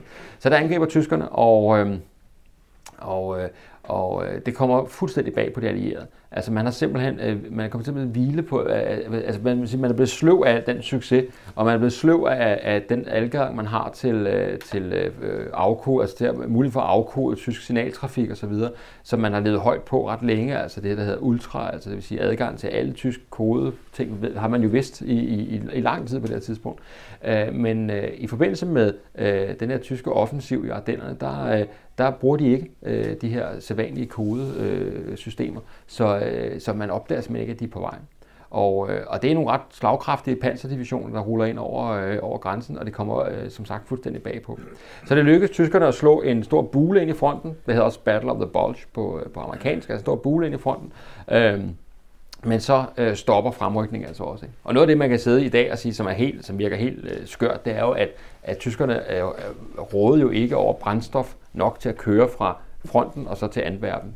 Altså, de var afhængige, helt afhængige af at erobre brændstof undervejs. Ikke? Og det siger noget om, hvor, hvor, hvor presset øh, øh det, den tyske krigsmaskine faktisk er på det her tidspunkt. Man vil sige, failure is not an option. altså, i den situation. Ja, det er jo enten eller. Altså, det er et stort, kæmpe stort gamble, og, øh, og det mislykkes, fordi at, at kraften ryger ud af det her, de her fremrykkende styrker. Det er simpelthen for svært at rykke frem. Øh, og, og så skal man også huske, at øh, de tyske soldater, som er i live i vinteren 44-45, de har ikke rigtig prøvet at angribe. Altså, de har prøvet at forsvare sig. De, de har er, gået baglæns siden de er, eks, Stalingrad. de er ekstremt dygtige til at forsvare sig, men de har ikke nogen særlig erfaring med at angribe. Øh, og og det, det har altså nogle konsekvenser her i forbindelse med Ardennerne. Så det ender med at blive en uh, skønne spildte kræfter, og det ender med, at, at de sidste, kan man sige, tyske reserver overhovedet bliver kastet ind i den her kamp øh, forgæves. Ikke? Det forlænger krigen, men, men, øh, men, øh, men næppe særlig meget. Og det har du skrevet en øvrigt fremragende bog om i, i sådan nogenlunde samme ja. form for dem, der ikke har lyst til at bruge hele deres ferie på at læse om 2. verdenskrig. Og den hedder, bogen hedder Spøgelsesfront. Spøgelsesfront, Fronten. ja. Øh, Ardennerslagene, tror du kalder ja, jeg tror, den hedder, øh, hvordan hedder den? Ardennerne, Hitlers, øh, hvordan, okay, altså, Ardennerne, Hitlers sidste offensiv, tror jeg. Okay, okay, ja. det, det, det er med på, men men, men hvorfor hedder den spøgelsesfronten? Hvad er pointen der? Jamen det er fordi, at det er det, er det der, netop det der frontafsnit, hvor der ikke rigtig sker noget. Ikke? Så det er sådan en, en, øh, de kalder det selv, amerikanerne kalder det selv ghost front. Ikke? Altså det, det er sådan et, et, øh, et, en del af fronten, hvor, hvor man ikke regner med, at der, der kommer noget, noget farligt. Og det, det gør der så i allerhøjeste grad. Og det er jo altså øh, blandt andet altså de her helt, øh, altså de overlegne tyske kampvogne, tiger kampvogne osv., som, som bliver kastet ind i det her. Ikke? Så det er, og det er også derfor, det er sindssygt ja. spændende, fordi der er for alle drengene i alle alder, der er sindssygt meget isenkram Øh, ja. Der er panter og tigerkampvogne. Øh, det er det er historiens det, det, det er det slag, kampvognsslag, det største kampvognsslag, som amerikanerne til dato har udkæmpet. Ja. Det er det, de måler sig på. Ja. Hvad gik galt? Hvad kan vi lære af det? Hvad, hvad gjorde vi rigtigt?